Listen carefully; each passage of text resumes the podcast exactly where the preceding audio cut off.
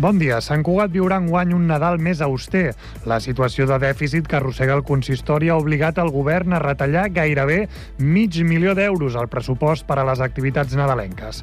Dels 800.000 euros que es van destinar l'any passat, als 370.000 que s'invertiran enguany. En aquest sentit, la ciutadania no podrà gaudir de l'embalat, el Parc Jove i el Campament Reial. En total, 150 activitats menys que les del 2022. La cavalcada dels Reis d'Orient arriba en guany amb novetats. Per aquest 2024, una de les activitats estrella de Nadal estrena format, recorregut i espai final. Ses majestats arribaran a la plaça de Victòria dels Àngels el 5 de gener a dos quarts de sis de la tarda. Per rebre'l s'ha programat un espectacle únic per a l'ocasió amb música i dansa. La cavalcada tindrà un nou format amb sis noves carrosses i comparses, tot plegat amb en Moixinac, que guiarà de nou amb la seva llum als Reis d'Orient. Un Nadal que comença aquest divendres amb l'encesa de llums a la plaça d'Octavià a les 6 de la tarda i amb un espectacle de dansa a càrrec de l'Escola Fusió i l'Escola de Música Tradicional de Sant Cugat.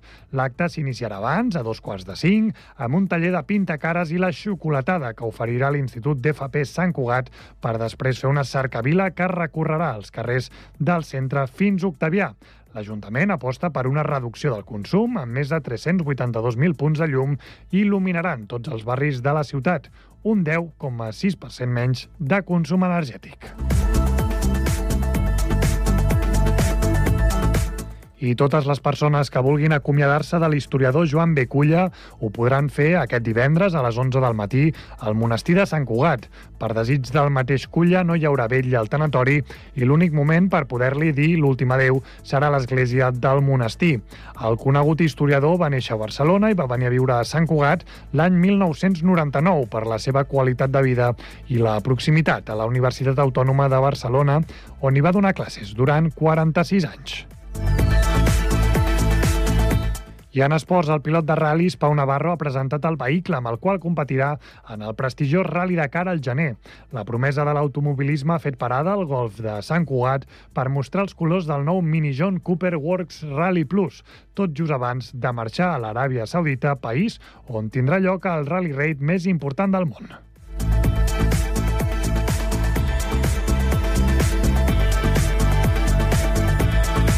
Cugat Mèdia, la informació de referència a Sant Cugat.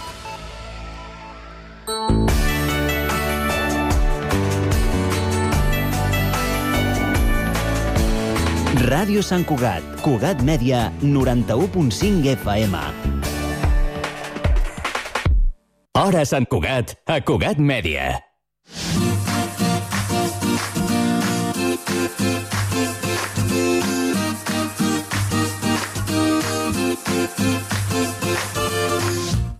Hola, bon dia, sóc la Brenda, presentat els meus companys i companyes del Centre de Formació de Persones Adultes de Sant Cugat. Tornem a estar aquí al nostre programa La Brúixola dels divendres. I està aquí per començar amb, la, amb nosaltres Montse, Hola, bon dia. Javi, Hola, com va? Aline, Bon dia a tothom. Jesús. Digo nom. Estàs escoltat La Brúixola dels divendres, el programa de ràdio del CFA Sant Cugat. Comencem les notícies.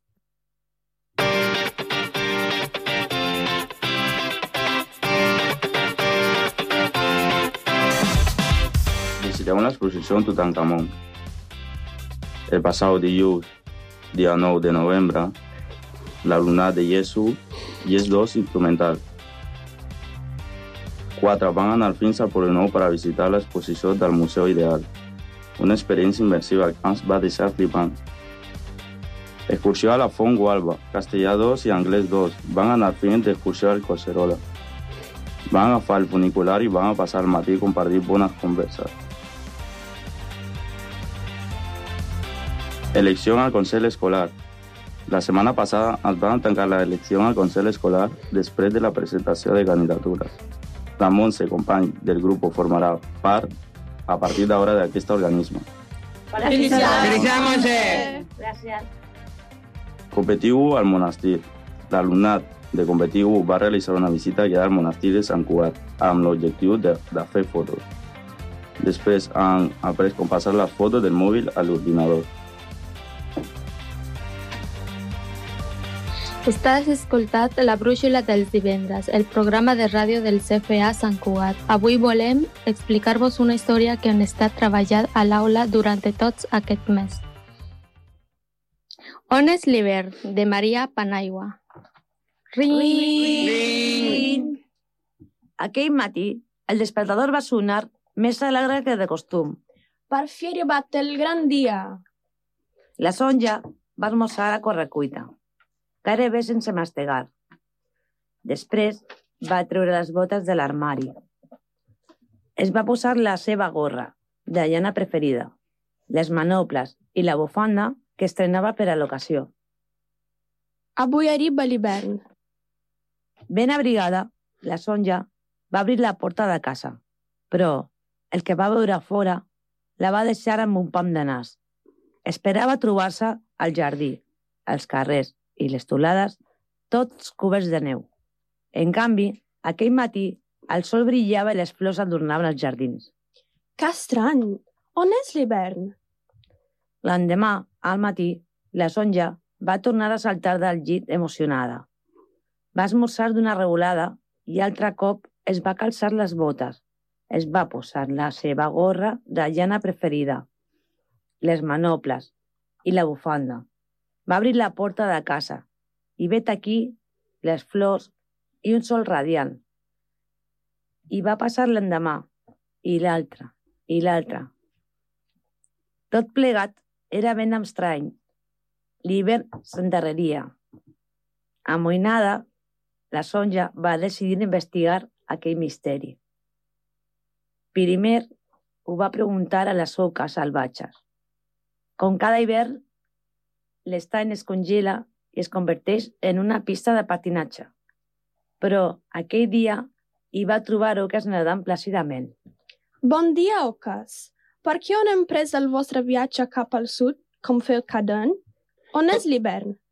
Perquè he de fer un, un, perquè he de fer un viatge tan llarg si, si aquí estem calentón en el estiu. No sabes que no sabe o en el invierno. Pregúntale al oso. La Sonja va pujar la muntanya i va entrar a la cova de l'os bru. Se'l va trobar jugant amb una papallona. Os, per què no estàs adormit? On és l'hivern? Porque he de, de dormir si puedo jugar en la papallona, como a la primavera. No sé on és l'invern. Pregúntale a les flors. La Sonja va sortir al jardí de casa seva i es va trobar les flors totes alegres i perfumades. Flors, per què no us heu pensit? On és l'hivern? Les flors van a riure valent quan van sentir parlar a la Sonja. Per què he de passear si vols divertir el nostre pelat en primavera? ¿No sabe dónde es el invierno? Pregúntale al esquirol. Passejant pel bosc, va trobar l'esquirol, fent una bencaina a l'ombra d'una alcina. Esquirol, per què no culs a glans? On és l'hivern? ¿Por qué he de trabajar tan si hoy no hay nieve en, la, en las brancas de los árboles? No sé on és el invierno. Pregúntale al sol. La Sonja es va assegurar a la teulada de casa seva i va trobar el sol esquefant-lo tot amb els seus raigs. Sol, per què no estàs amagat darrere els núvols? On és l'hivern? Sonja, no hay nubes en el cel. No sé, es, es el invierno. Pregúntale a, a, la, a la mare. Va entrar a casa i es va trobar a la mare traient el cap per la finestra. Mare, per què no encens la xemeneia? On és l'hivern? La casa ya está calentona. No sé on es el invierno. Pregúntale directamente a él. I la Sonja, cansada de tant preguntar i de no trobar respostes, va decidir escriure una carta a l'hivern. Estimat hivern, estic preocupada. Ja fa molts dies que hauràs d'haver arribat al poble. Cada matí em llevo i espero trobar-te. L'estat no s'ha congelat, no hi ha rastre de neu a la muntanya, el bosc està sec i la primavera sembla que no se'n vol anar. Per què no vens? Signat Sonja. Postdata, et trobo a faltar.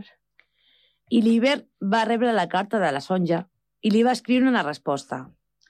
Estimada Sonja, sóc a casa, amb pietat. No puc congelar l'estany perquè hi ha un placet a l'aigua. Tampoc per cobrir de neu la muntanya perquè està plena de brossar. Ja no hi ha núvols al cel per desformar tam tempestes que reguen els boscos.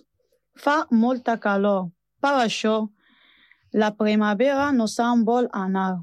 M'agradaria bufar el meu fent fred, perquè poguessis estrenar la bufanda nova, per po posar-te vermell al nas i les orelles. M'agradaria bufar el meu fent fred, perquè l'esquerol collés el fruit i los dormés. Estic trist perquè hi ha massa fum al cel i no em deixen veure a les estels. Signat Eben. Postdata. Jo també el trobo a faltar. La Sonja va rebre tota emocionada la carta i després de llegir-la, amb atenció, va tornar a l'estany i va demanar a les suques que l'ajudessin a recollir els plàstics que flotaven a l'aigua. Després, va pujar a la muntanya i va demanar a l'os que l'ajudés a recollir tota la brossa abandonada. I va entrar a la casa i li va demanar a la mare que l'abracés. Cansada, la Sonja es va dormir de seguida. L'endemà al matí va sonar el despertador. La Sonja es va expulsar la madara i va mirar per la finestra de la seva habitació. El que va veure la va deixar... Xala! Quina història d'on no passa la encarregades. Aquest mes de la sessió de música, Salwa, Hola. Natalia, Hola. han de preparar unas canciones relacionadas a la lectura. Us deixo en buenas manos. I ara jo que he vist néixer el món que amb tu he tingut tot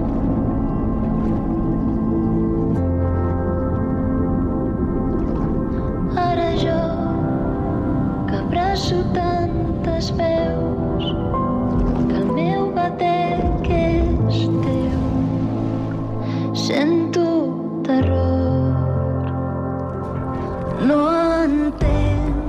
entenc Ha d'haver una altra manera de viure. Aquesta canció s'ha escollit per a prendre consciència sobre el canvi climàtic. Estrella Adam va decidir promocionar aquests anuncis quan va canviar la seva política de anilles de plàstic per a unes altres més sostenibles. Igual que aquest llibre és un en explicat pre pretén fer-nos conscient del perill de la contaminació.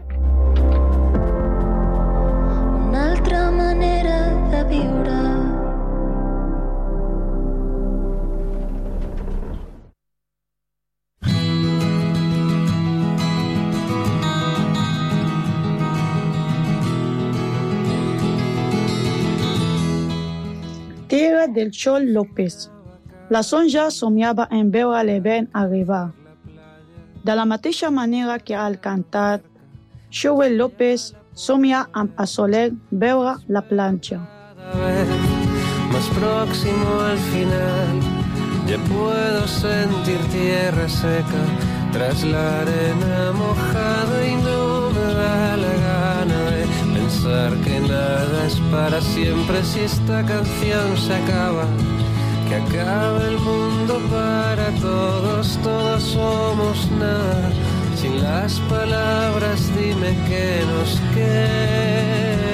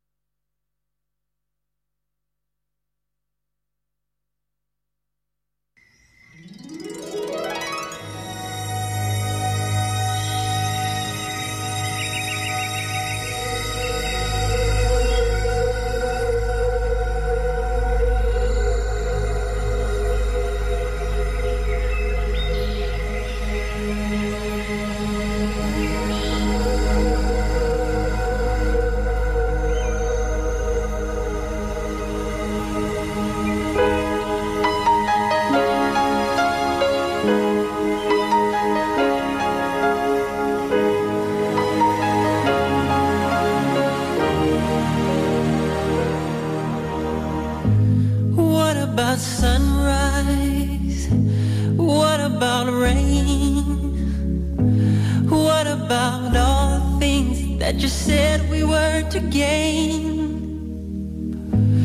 What about killing fears? Is there a time? What about all the things that you said was yours and mine? Did you ever stop to notice all the blood we've shed before? Did you ever stop to notice this crying earth, this weeping shore? I,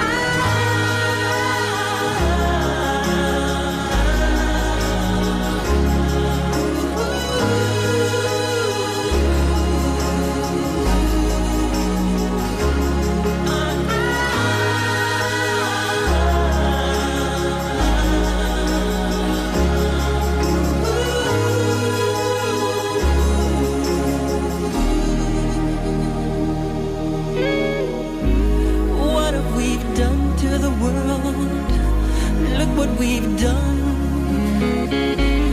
What about all the peace that you pledged your Edson Michael Jackson. De la mateixa manera que el llibre Michael Jackson parla de la contaminació en aquesta cançó, fa referència a la pluja i a la sequera, dos factors que avui dia preocupen molt. Ja ens agradaria que plorés la terra com diu la cançó.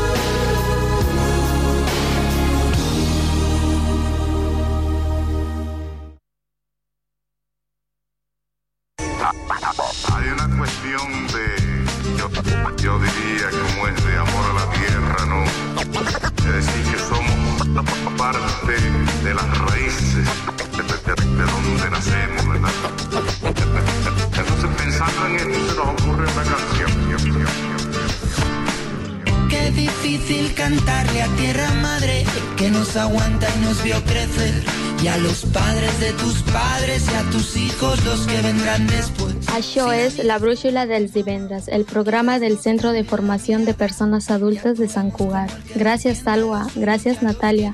Així amb els altres col·laboradors. Tornem al desembre amb més històries. Us deixem en Mama Terra Maca. Todo es un ciclo, la tierra, el cielo y de nuevo aquí. Como el agua del mar a las nubes va, llueve el agua y vuelta a empezar. Oye, yeah, yeah, yeah, yeah,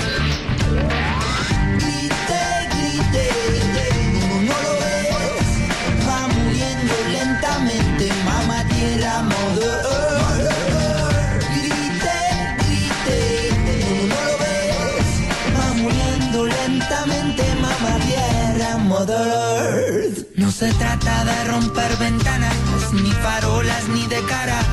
Mejor romper conciencias equivocadas, oye. Nadie nos enseñó ni a ti ni a mí, nadie nos explicó ni a ti ni a mí. Mejor aprender que corra la voz y quitas conseguir. Tierra madre dice, bri, bombeando tierra madre te dice basta. Bri, Bombeando, bri, bombeando tierra madre escuche. Bri, Bombeando tierra madre dice ponte en pie, bri, bombeando ponte en pie, bri, bombeando tierra madre dice ponte en pie, mírame. Grite, grite, no, lo ves, va muriendo lentamente, mamá tierra mother.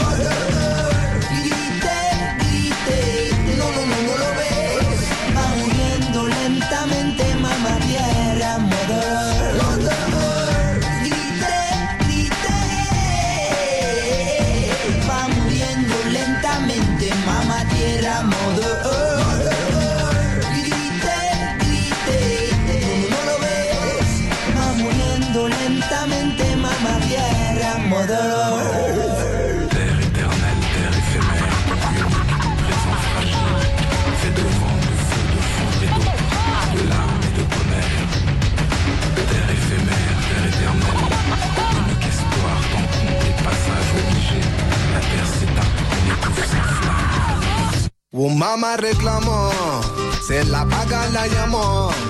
Y esto no es de hoy, ya tiempos atrás voy hoy. Tigre décadas degradando, ya mamá reclamó. Se la paga la llamó. Se la venden hoy, de lo que fue a lo que soy. Siempre magnifican sus latidos voy. Llaman, llaman, mamá tierras llaman. Ya que las manejan sin plan, demasiadas caban, otras secan, luego frutos no dan. Llaman, llaman, mamá tierras llaman. Hoy dos sordos les hace el man. Miradas se tapan, contaminan hasta que eliminan.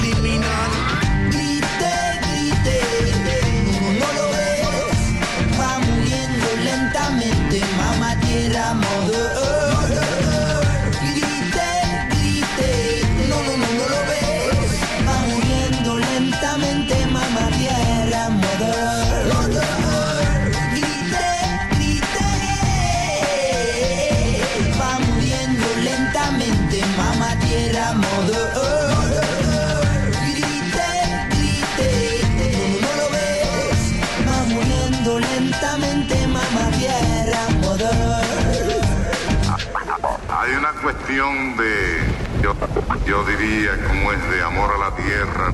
Tierra, tierra, tierra,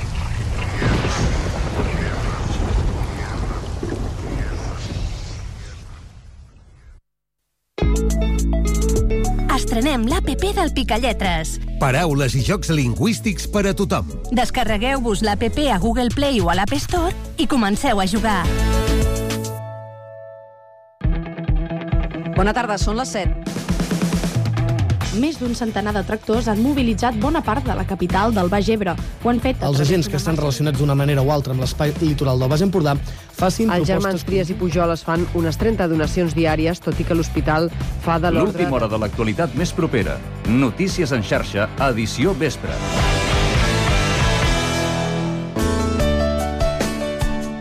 Ràdio Sant Cugat.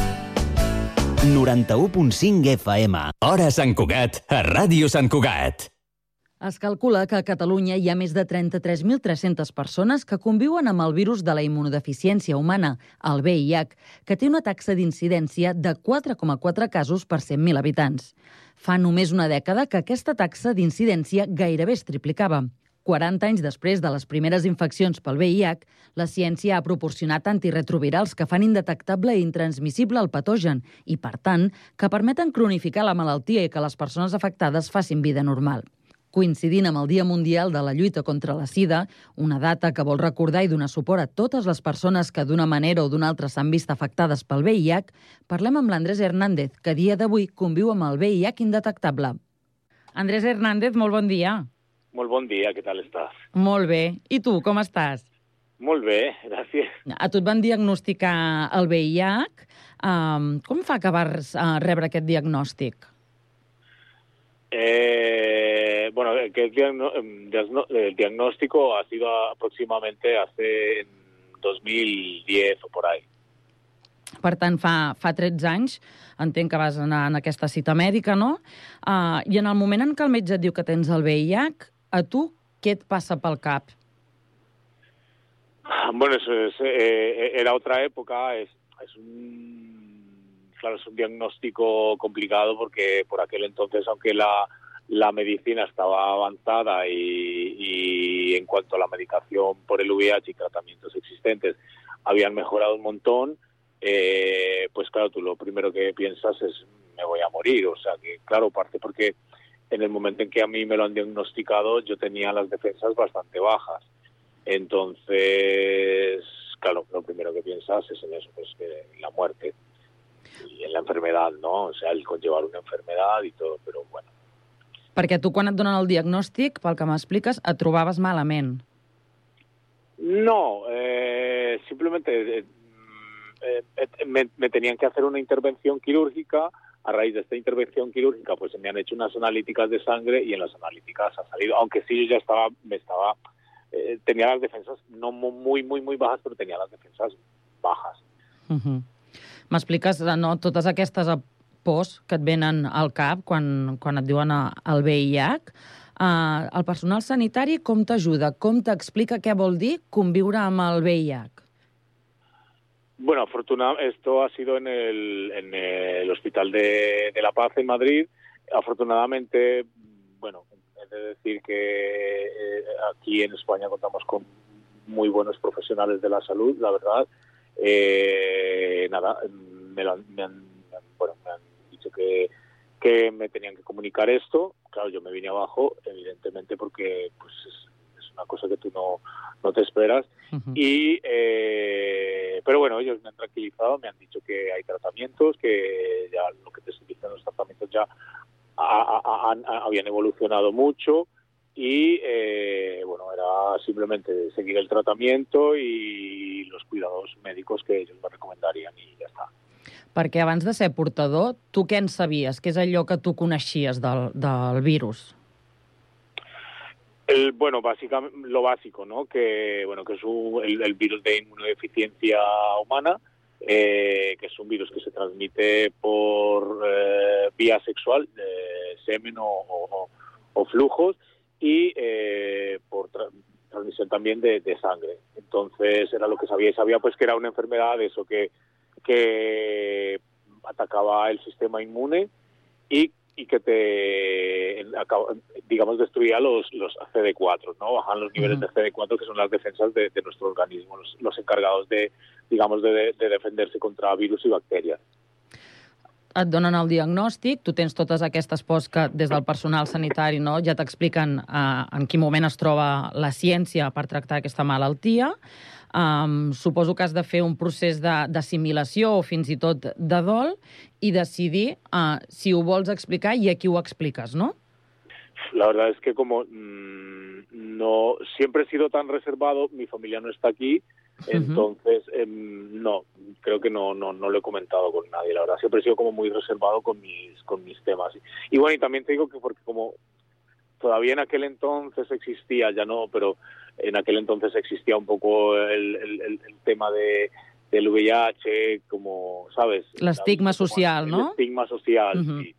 Entonces, eh, claro, eh, también uno a veces preferí, preferí, preferí, preferiría, pero pues, o yo en, por mi caso, pues prefería como reservármelo, ¿no? No. Mhm. I en aquests 13 anys, des del 2010, um, com, ha, com ha canviat el teu tractament, no? Quina, quina implicació té en el teu dia a dia? Perquè sí que abans les persones amb VIH prenien moltíssimes pastilles, però la, la medicina i la ciència, afortunadament, han avançat molt. Tu, durant aquests 13 anys, quina, quin canvi has vist? Sí, eh, es verdad. eh, eh, anteriormente tenías que tomar, eh, si que eran tres pastillas. A, a mí con el, bueno, con el, digamos, los, con el paso de los años y, y según los, los, las evoluciones médicas y tal, me han ido cambiando la, la, la, la medicación. Entonces, eh, y actualmente estoy tomando solo una pastilla, que, que- que es lo suyo. O sea, tomas una pastilla al día y ya está. Y llevas tus controles y, bueno, perfecto. O sea, no, no, no, normal, como cualquier, como cualquier enfermedad crónica, porque es que al final esto ya es una enfermedad crónica. Exacte, no? Ara, ara ho expliques, que la medicina ha fet passos de gegant en el tractament de la sida. De fet, en els, almenys en els països amb més recursos, perquè no tot arreu s'ha convertit en una malaltia gairebé crònica gràcies a aquests tractaments amb els antirretrovirals. Fins i tot hi ha casos de 5 persones que s'han arribat a, a curar, tot i que són casos molt aïllats. Um, això obre una porta a la ciència a buscar altres tractaments per acabar erradicant la malaltia. Et dona esperança que poder arribar a aquest punt de poder viure ja sense el virus? Sí, yo creo que sí. A ver, es que la, la medicina ha avanzado un montón. O sea, ya te digo que, por ejemplo, ha- ha- había yo em, antes he trabajado con, por mi trabajo, tra- eh, tra- trabajaba entrenador personal en un centro y dentro de este centro había algunos eh, pacientes que eran portadores del VIH y algunos, por ejemplo, tomaban la, la truada, que fue una de las, como de las no primeras, pero sí de los más medicamentos más antiguos, y esta trubada les generaba unos, eh, pro- digamos, tan- también como cambios a nivel físico y, y, y- y- era un- una medicación que, que producía bastantes efectos secundarios. D'acord. Eh, a, día de, a, a día de hoy las la- los medicamentos que hay cada vez son mejores y de hecho ahora eh, tengo entendido que se está probando una, una, no es una vacuna en realidad, es una, una inyección que, que se te pone cada cierto, ahora, cada cierto tiempo, no, ahora son cada tres meses y luego esperan que sea cada seis y pues yo claro, poco a poco se va evolucionando, yo creo que a lo mejor en algún momento sí, pueda que sí, lo que pasa es que es complicado porque es un virus que, que todo el tiempo está mutando, entonces claro, sí, es un virus és una de muta les todo el tiempo, es complicacions muy- que té per trobar la cura, Clar. eh? Claro, claro, claro, claro. Per tant, podríem dir no, que la part eh, de tractament físic de la malaltia està més ben encarrilada, no? Cada cop la medicació té menys efectes secundaris. Uh, tu creus que passa el mateix amb, amb l'atenció psicològica? Hi ha prou acompanyament per les persones que els hi fan aquest diagnòstic? Bueno, es que a día de hoy, es lo que te digo, es que ya a día de hoy también supongo yo que todo esto tiene que ver a- también con el tema de la PrEP, la profilaxis preexposición que se lleva, o sea, en el momento en que ha aparecido la PrEP, entonces, digamos, como son medicamentos tan similares, salvo por algún compuesto que... Porque la, la- la profilaxis preexposición en realidad es para prevenir el, el contagio, ¿no? D'això, el VIH. sí, d'això en parlarem, en parlarem més, més endavant. Ah, vale. Parlaves abans no? um, que la visió que es té de, de la malaltia, de la sida i del VIH, que no són la mateixa cosa, uh, ha evolucionat molt durant els últims anys. Sí, sí, sí, Tu- Sí, tu creus que el tabú i l'estigma sobre la malaltia ha anat canviant, ha anat desapareixent una mica, com a mínim? Yo creo que sí, sí, yo creo que sí. Sí, aparte, a ver, eh, tú creo que lo has mencionado antes, eh, pero por ejemplo hay países países que no, que no cuentan con los suficientes recursos, por ejemplo yo soy colombiano y allí aún se muere la gente de VIH. Allí ahí, ahí, ahí, ahí, ahí, ahí hay unos, unos índices muy altos de, de, de, de- de- de contagiados. Y, y, bueno, no, con esto también tiene que ver el, el tema del estigma, pero afortunadamente aquí yo creo que es que mm, contamos con un sistema de salud óptimo. O sea, tenemos unos recursos a nivel sanitario óptimos, buenísimos. I per part de la societat, tu creus que la visió que es tenia als anys 90 d'una persona amb VIH i la visió que es té ara afortunadament ha evolucionat molt? La gent coneix més què és el virus i té menys estigma cap a les persones que el tenen o, o no? No, yo creo que no. Lo que te digo, a día de hoy, a día de hoy ya, ya no, ya ha cambiado mucho. Esto porque también es lo que te estoy diciendo, se ha vuelto una enfermedad crónica.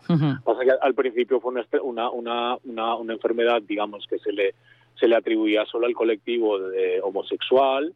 Eh, També y- les persones que prenien droga, no? Sobretot Claro, per injectables. era como, ah, esto es enfermedad, esta enfermedad es de prostitutas o de homosexuales o de drogadictos, como, Ujú. ¿sabes? Ahora no, ahora pues es que es también, eh, al final es una enfermedad que, digamos, la puede contraer cualquier persona, o sea, Ujú. no sé, no, no estás exento de, de- de contraerla. Entonces, yo creo que ha cambiado mucho esto. I uh, si ara alguna persona que li donessin el diagnòstic, uh, tu que fa 13 anys que, que ja el vas rebre, li donaries uh, algun consell? Sí, eh, básicamente que, que bueno que to- eh, tome la medicación a rajatabla porque es súper importante y, y que y que asista a los controles médicos y sobre todo eso. Y bueno que, que cuide su salud, que, haga deporte, una alimentación sana, eh, pero es muy importante también el tema de los controles médicos, o sea, ir porque eh, que, que, que- que miren también cómo están tus niveles de CD4, también a nivel nivel renal, que no te que la medicación no te pueda generar algún efecto sec- secundario, eso es importante. Y nada, es lo que te digo, o sea, es, es que como mm, ha evolucionado tanto, de hecho, hay personas que ahora están ya haciendo el tomando el, el tratamiento que es vía o sea, inyectable. Esto ya es también decisión de cada paciente, ¿no? Yo, por ejemplo, yo prefiero seguir tomando mi pastilla y ya está. Porque el- el- el- sí que el, otro sistema tienes que ser como muy a rajatabla también, ¿no? A mí ahí ya puntualmente, bueno, no siempre, pero a lo mejor un día se me pasa tomar la pastilla, no pasa nada, que no debería ser así. Pero eh, con el tema del el, el otro tipo de tratamiento sí que tiene que ser fecha exacta, exacta, exacta. O sea, tienes que ir al centro médico al que te lo... Pues también ahí te complica un poco, pero no sé. Entenc que també els metges no, us deuen assessorar, depèn de cada persona Sí, i cada cas, de quin és el millor tractament per, per seguir. Exacto, sí. Em deies abans que eres eh, entrenador personal, però també sé que també fas algunes coses en el món de l'audiovisual. I si no m'equivoco, estàs treballant i s'està a punt d'estrenar un curtmetratge que aborda precisament el VIH i que, de fet, se centra en la PrEP. Explica'ns sí. què és la PrEP per tota aquella gent que no ho sàpiga i després parlem del teu curtmetratge. Vale. La, la, la PrEP o profilaxis preexposición es un medicamento que se toma para prevenir eh, eso, el, el, el, el contagio del, del VIH. Evidentemente, pues, sí, eh, por, por, por vía bueno, sexual. Pero es un medicamento que se, se, se lleva, toma- se lleva tomando ya hace varios años y, eh, bueno, la verdad que está funcionando bastante bien. Está funcionando bastante bien porque mm, el tema de la PrEP no es solo que tomas una pastilla, porque anteriormente eh, estas pastillas tenías que comprarlas por internet, las comprabas por internet, bueno, en páginas eh, autorizadas, pero no tenías ningún tipo de control y cuando tomas este tipo, tú tomas este tipo de medicaciones es necesario que tomes un tipo de control. Pero lo bueno de tener este tipo de control es que al, a- cuando tú vas al, a tu centro médico donde te dispensan la PrEP a que te hagan tus analíticas, te pueden detectar otras ETS, que esto a Claro. nivel de control está muy bien, porque eh, si tú das positivo en una ETS, yo qué sé, por ejemplo, llámese gonorrea, llámese sífilis, automáticamente te tratan y no eh, estás con la, muchas veces algunas de estas enfermedades no presentan síntomas. Ujú. Entonces tú puedes estar por ahí contagiando a muchas más personas sin saberlo. Claro. Yo creo que es importante esto y a mí me parece fantástico que, que, que- que se haga esto porque es una manera de prevención. De fet, és un, no, una via més que té el Departament de Salut per lluitar Sí. contra els contagis del, del VIH, Sí, sí, sí, correcto. com seria el preservatiu un altre, no?, per exemple. Sí, sí, sí, digamos que, a, a ver, mm, el preservativo eh, se, se- se- se ha, bueno, se, se ha utilizado mucho por el tema de tanto de tra- enfermedades de transmisión sexual como del tema de embarazos no, no deseados. Pero con el tema de la PrEP, pues mm, ya ha cambiado mucho este, este concepto, ¿no? I el teu curtmetratge uh, té títol ja, Andrés? Sí, se llama Estás preparado. Estàs preparado. I quin, quina història explicarà uh, aquest curt? Sí, bueno, es un cortometraje que es, es ficción basado en hechos reales. Eh, no tiene, no es, no, o sea, es a nivel informativo. Sí que hay una parte del cortometraje donde dos de los eh, actores o, o personajes eh, hablan de la PrEP, eh, la hablan de una manera muy corta, muy sencilla, muy fácil de entender. Eh, y es un cortometraje que trata el tema de la PrEP, eh, las relaciones de pareja abiertas y eh, el chemsex. Que a ver, eh, es una realidad que estamos viviendo ahora. Yo creo que a, mí el cine, yo soy, bueno, en, mi- mi- en realidad yo soy actor, vengo como director de cine, ya he hecho un par de proyectos, este es mi, mi segundo proyecto. Y, y creo que en el cine eh, tú tienes que contar realidades, tienes que contar mm, situaciones reales que están ocurriendo, porque el cine se ha hecho para eso. ¿no? Tú en el cine cuentas algo. Entonces yo lo que quiero contar y quiero concientizar al, al- a, a- a- a- a los jóvenes, a la población en general, de, de- de la existencia de la PrEP, porque hay mucha gente que no sabe lo que es la PrEP. A mí aún me preguntan lo que es la PrEP. Entonces, de la existencia, para qué sirve y de las ventajas que tiene el, el- el estar tomando la PrEP, que es, de verdad, es que yo, eh, yo creo que somos muy afortunados. Este, este es parte de este, co- de este co- cortometraje también, es de, de mostrarle a la población, ¿no? decirle a, a los españoles que tenemos una sanidad pública óptima, o sea, es que tenemos unos privilegios increíbles, o sea, tenemos la PrEP, tenemos nuestros controles, podemos ir a los controles y, y- y así controlarnos lo que te digo, otra enfermedad, otro tipo de enfermedad de transmisión sexual. Entonces yo creo que hay que hay que hay que hablar de esto, ¿no? Eh, yo hay incluso hay amigos que les- me, preguntan qué esto qué es. Y el chemsex también, o sea, el chemsex es una realidad. Eh, mm, es una realidad que se está viviendo y yo creo que a veces es mejor hablar de las cosas y no ocultarlas y orientar a las personas que practican el chemsex de, de la manera correcta de cómo hacerlo. De la responsabilitat, toca- no? Sí, Entenc, la de res- que cadascú exacto. tingui La- les pràctiques sexuals que més li agradin, Exacte. però sempre des de la responsabilitat cap a un mateix i la seva salut i amb aquelles persones amb qui comparteix uh, espais i Sí, sexe. porque es curioso, pero no quiero decir con esto que, que todas las, la- las personas que, que toman la PrEP practican el chemsex, Ujú. pero sí que es bastante habitual. O sea, PrEP y chemsex es, es muy habitual. Y, y no es que, y lo que te digo, no es que no, no, no quiero meter a todo el mundo en el mismo, en el, ¿sabes? Pero, pero sí que es una práctica bastante habitual. Entonces hay que hablar de esto. Y lo mismo de, del tema de las relaciones de pareja abiertas, que esto es algo ya que también es habitual. Doncs una nova porta que ens obrirà aquest uh, curtmetratge. Estàs preparado? De, Estás preparado, sí. de l'Andrés Hernández. Quan es podrà veure, Andrés?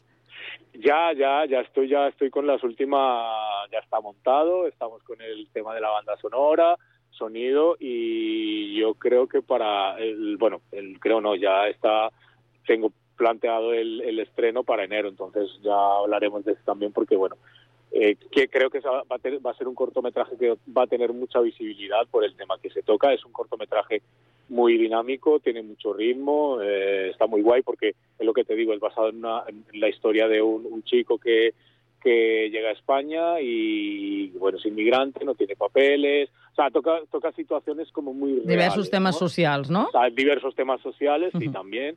Entonces, eh, y, y- y- y- y bueno, y que, que es lo que yo te digo, hay que informar a la población de, de- de- de- de- las cosas, no ocultarlas. Doncs molt a favor eh, d'aquesta divulgació. Um, de fet, també és un dels objectius de- d'aquesta entrevista i et donem les gràcies per entendre'ns, Andrés, explicar-nos la, la teva història, la teva experiència i com segueixes fent activisme no? per uh, difondre com és la vida amb VIH i que hi ha futur. Sí, a ver, yo creo que es lo que te digo. Yo creo que posiblemente y ojalá llegará un momento en que o existi- ah, saldrá o una vacuna o a lo mejor la cura, que sería lo ideal. Eso sería fantástico. Pero bueno, es, es lo que te digo, se puede llevar muy fácil y, y es una enfermedad crónica y ya está. Doncs tant de bo, la ciència avança, cal que els governs hi dediquin els recursos i els diners necessaris a la investigació, uh, i tant de bo puguem viure la notícia doncs, que ja hi ha una cura per al VIH. Andrés Hernández, moltes gràcies, que tinguis molt bon dia. Nada, venga, buen día. Bon dia.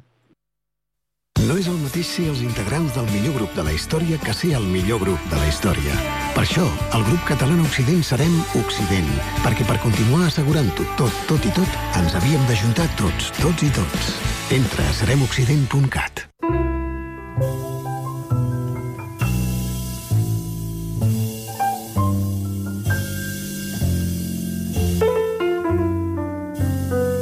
La bona música, amb Lluís Bonamusa. Un espai de Mataró Ràdio per la xarxa de comunicació local. Els diumenges, a les 3 de la tarda, al 91.5 FM.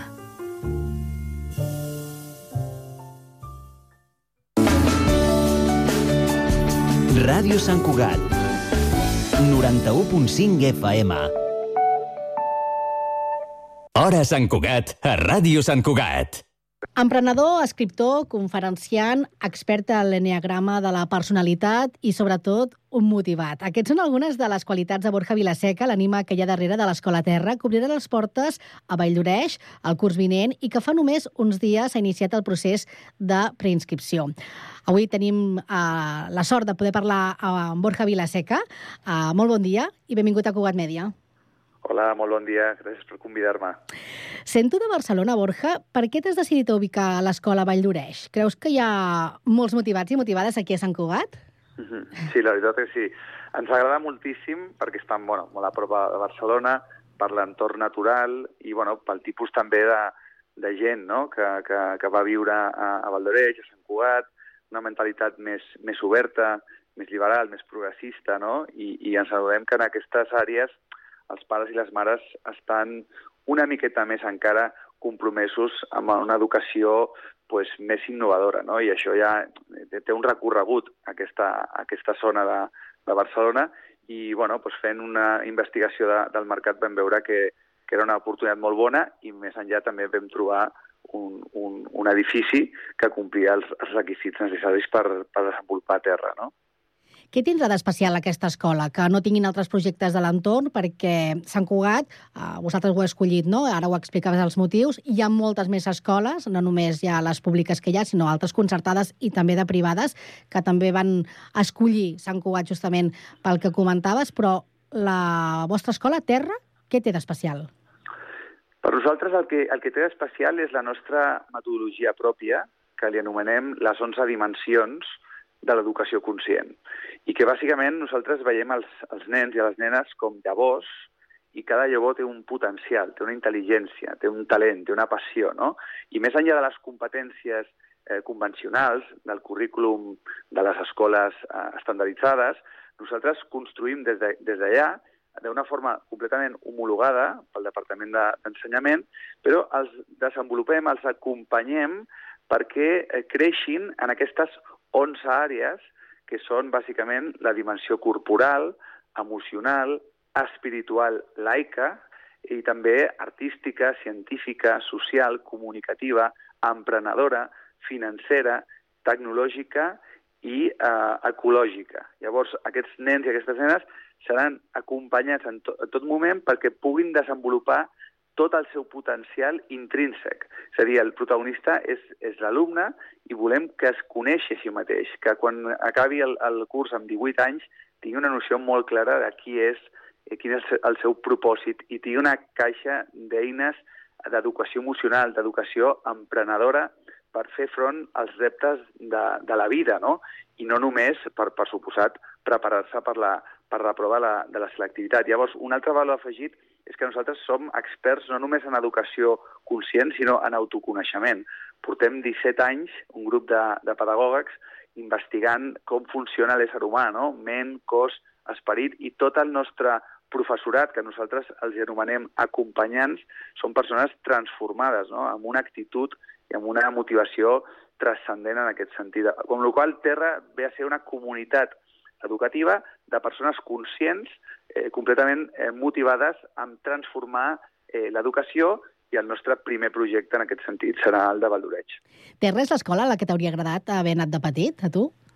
Pues home, la veritat és que aquest és un dels nostres lemes. Eh, jo era el, el gamberro de la classe, el pallasso, el rebel, eh, i, i, i la veritat és que ara a vegades m'he trobat alguna professora que, que, que sap del projecte i, i no s'ho pot creure, no? I, I per mi sí, per mi l'escola no va ser una experiència molt positiva en aquest sentit perquè no, no encaixava no? amb els meus talents, la meva intel·ligència o la meva forma de ser no encaixava amb aquest currículum tan estandarditzat a les escoles industrials i des de sempre he tingut una, una relació de, de dir, ostres, ojalà l'escola hagués sigut una, una altra cosa, no? I, i tots els, els que estem formant part de, de Terra són persones que, que, que la nostra passió, el nostre propòsit és transformar l'educació perquè l'educació estigui personalitzada no? I, i, i que totes les persones puguin desenvolupar els seus talents independentment de, de quins siguin, no? i que no, no pugui haver aquest fracàs escolar que cada cop més està eh, doncs, molt present a, a, les, a les escoles, no? I, i entenent de que cada ésser humà és únic i llavors hem d'entendre aquesta intel·ligència particular de cada nen i cada nena perquè el pugui desenvolupar, no? I aquesta és la nostra passió, no? De que els nens i les nenes, quan creixin, puguin honrar la seva singularitat, però estan molt, molt ben preparats, insisteixo, per, pels reptes del segle XXI, el nou mercat laboral, no? I, i, i bueno, una nova actitud que ara mateix, des del nostre punt de vista, les escoles industrials fa dècades que han quedat completament obsoletes, no? Uh, suposo que amb una experiència com la teva, la tria d'escola pels teus fills, una vegada ja et vas convertir en pare, devia ser un tema molt important, dic un tema en majúscules. No sé què vas poder tenir en compte per fer la tria i si no t'hagués agradat fins i tot haver començat abans amb aquest projecte o que hagués arribat abans per poder portar els teus fills. Home, doncs sí, la veritat que sí, perquè jo no sé, els meus fills ara mateix tenen 9 i 11 anys i, i bueno, pues en principi no, no podran eh, gaudir de l'escola terra i ells en, en gran part, evidentment, han sigut la, la meva motivació. No? Per mi aquest ha sigut un, un, un gran tema. Al final és veritat que els principals educadors som els pares, no?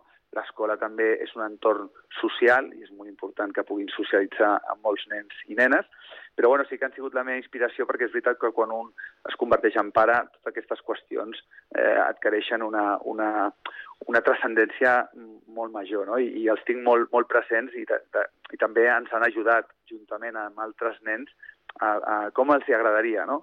que fos a, a aquesta escola, no? Però, bueno, veurem, veurem eh, quins nens i quines nenes sí que poden eh, gaudir, perquè, insisteixo, aquest projecte és, és transcendent, no? O sigui, per nosaltres, canviant l'educació, canviem el món i és el, el nostre compromís. Comencem amb Terra Valdoreig, però la, la, la, la idea, la visió que tenim és que tot el que aprenem aquí a, a Valdoreig ho podem extrapolar a moltes altres escoles.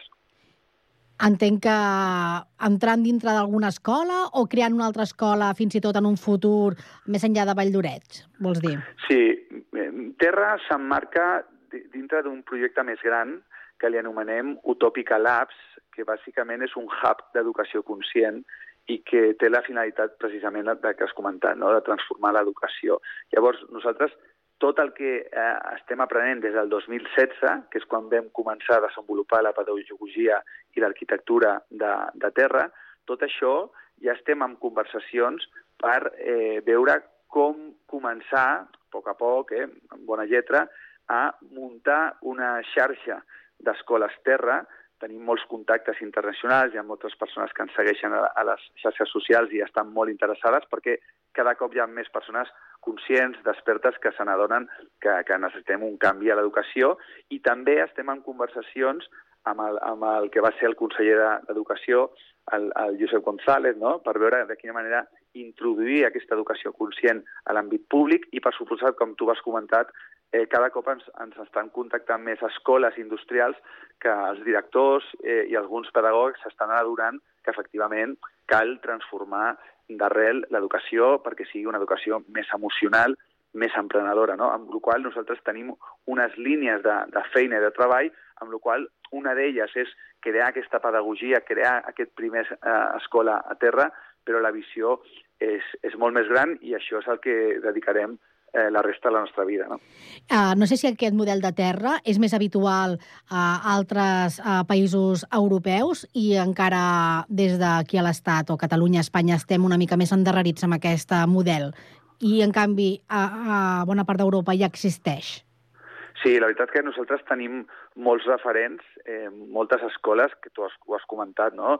I, i a Sant Cugat hi ha, hi ha algunes quantes també. És a dir, afortunadament eh, hi han cada cop més pares, més mares, més educadors, més pedagògics que, que, que estan qüestionant-se la forma en la que van ser educats en la seva infància i estan liderant eh, una revolució educativa. No? Hi ha molts, moltes escoles que, ens, que són grans referents eh, i moltes d'aquestes, com tu has comentat, estan al nord d'Europa, sempre es parla de, de, de Finlàndia, però bueno, hi ha altres països també molt interessants, inclús hi ha una escola meravellosa que, que es diu Green School a, a Bali. O sigui, hi ha molts projectes que, que ens inspiren, afortunadament, i això va de, de sumar, no? perquè el que ens interessa a tots és que canvi l'educació, no? independentment de quin projecte la canvi. Jo crec que al llarg del segle XXI les escoles industrials, tal com les coneixem, eh, desapareixeran, o sigui, i es transformaran, però és que és una cosa totalment necessària i urgent, sobretot per la palanca de la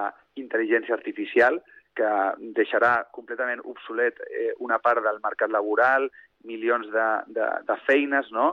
i això ens farà eh, entendre que la forma en la que hem vingut educant a les, a les noves generacions doncs no, no, no pot continuar com, com ha sigut. Llavors, totes les escoles estan condemnades a transformar-se en la direcció que estan liderant molts moviments que s'emmarquen dins del paraigües de l'educació alternativa i educació innovadora, que demà passat doncs jo espero que s'hi l'anomeni una educació conscient, no? posar-li consciència a, a, a per què educam, eh, per què serveix i, i com hem d'acompanyar aquestes noves generacions perquè tinguin oportunitats de ser més felices, que vi- visqui una vida amb més sentit i també es puguin adaptar i prosperar a un mercat eh, laboral totalment eh, amb tecnologia, intel·ligència artificial, llavors hem de potenciar el més humà de la nostra humanitat, no? I, i en aquest sentit, doncs, bueno, Terra doncs, aportarà la seva, la seva petita contribució.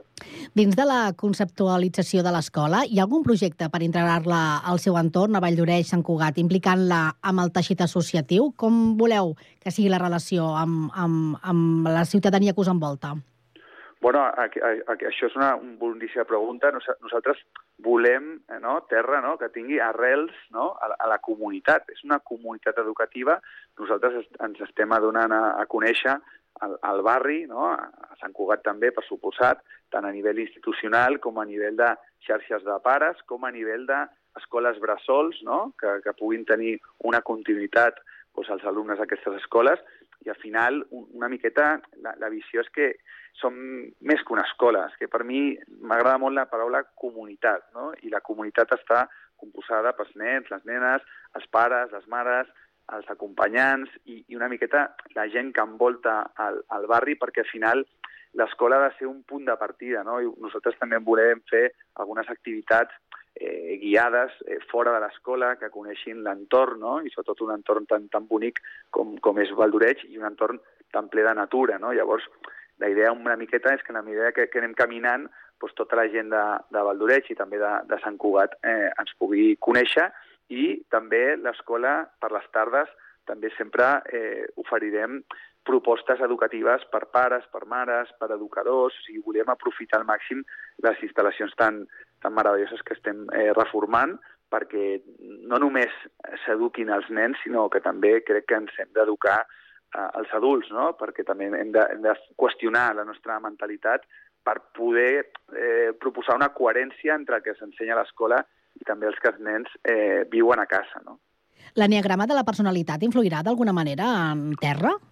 Sí, sí, sí, la veritat que sí. L'enneagrama és una eina meravellosa que a mi personalment em va transformar en, en 24 anys i ara que tinc ja 42 doncs, continuo apassionat, no? perquè fa una radiografia de nou tipus de personalitat, no? de, fa una, una radiografia de, de l'ombra, no? de, de la sombra de l'ésser humà, de l'ego i la part eh, luminosa, Llavors, tots els acompanyants han sigut formats, entre altres disciplines i eines, eh, una visió molt holística doncs, amb l'enneagrama, i els nens i les nenes, que això ho he viscut amb els meus fills, no? pues, a través dels contes infantils, els jocs, el teatre, no? pues, mica en mica també eh, els hi ajudarà en un moment donat a, a entendre per què som com som, com funcionen, quines són, són els seus defectes, quines són les teves virtuts, no?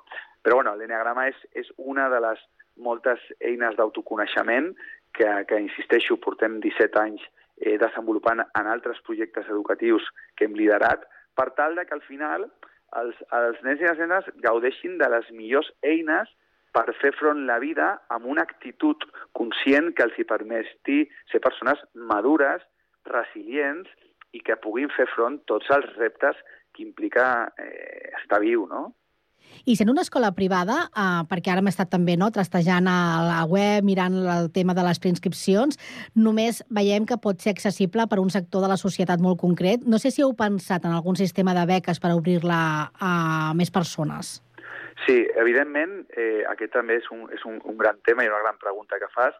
Comencem en l'àmbit eh, privat perquè nosaltres, eh, sent homologades eh, com a escola, i ens hem llegit tota la llei, que cal dir que, que la llei l'ensenyament és molt més laxa i més flexible del que ens pensàvem en un primer moment, hi ha coses que, que ens agraden, no? però per fer la nostra petita revolució, si ens, si ens permets, doncs necessitem eh, gaudir d'aquesta llibertat que et dona l'àmbit privat, que, que evidentment doncs no està a l'abast de, de tothom. Sí que més enllà, més endavant, a través de la Fundació, perquè Utòpica té una part de, de hub d'educació, però també tenim una fundació, la Fundació Utòpica, i el, el pla és que més endavant volem obrir un, un, un pla de beques. Tenim altres projectes socials com, com és l'acadèmia, no? que és educació emocional i emprenedora gratuïta per a adolescents, i ha funcionat molt bé, està en 55 ciutats de 8 països. O sigui, la nostra vocació és social i la nostra missió no és crear una escola, la nostra missió és transformar l'educació i això no només s'ha de fer a l'àmbit privat, però volem començar a l'àmbit privat, com et deia al principi, per desenvolupar aquesta metodologia que després podem eh, introduir, ojalà, a l'àmbit públic, a l'àmbit concertat i també, insisteixo, a tota la xarxa de, de, de, de formar pares, mares i de més. Amb la qual aquesta és la idea. També, insisteixo, tot això eh, serà possible gràcies a la participació de cada cop més gent que s'està juntant al projecte, inversors, mecenes, emprenedors... O sigui, hi ha moltíssima gent enrere d'aquest projecte i ojalà que entre tots la idea és poder democratitzar d'educació conscient perquè ojalà algun dia, per això ens anomenem utòpica, aquesta és utopia, que tothom pugui rebre una educació conscient, no? independentment si és a l'àmbit privat, públic, concertat o, o a través d'una formació per pares i mares, no? T'ha ajudat a definir el tipus d'escola que volies, creant l'experiència amb el teu projecte orientat a màsters, ara deies, i cursos de desenvolupament personal? Qüestiona? Bueno, és que al final tot és una conseqüència, no? Jo, jo vaig tocar fons amb, amb 19 anys i, i tot això venia de d'una relació tortuosa no? amb, amb, amb la meva família, no? amb, amb l'educació que vaig rebre, l'escola, en el meu cas. No? I llavors sempre, per mi, el tema d'educació sempre ha sigut un tema ja molt... Ràdio Sant Cugat, Cugat Mèdia, notícies.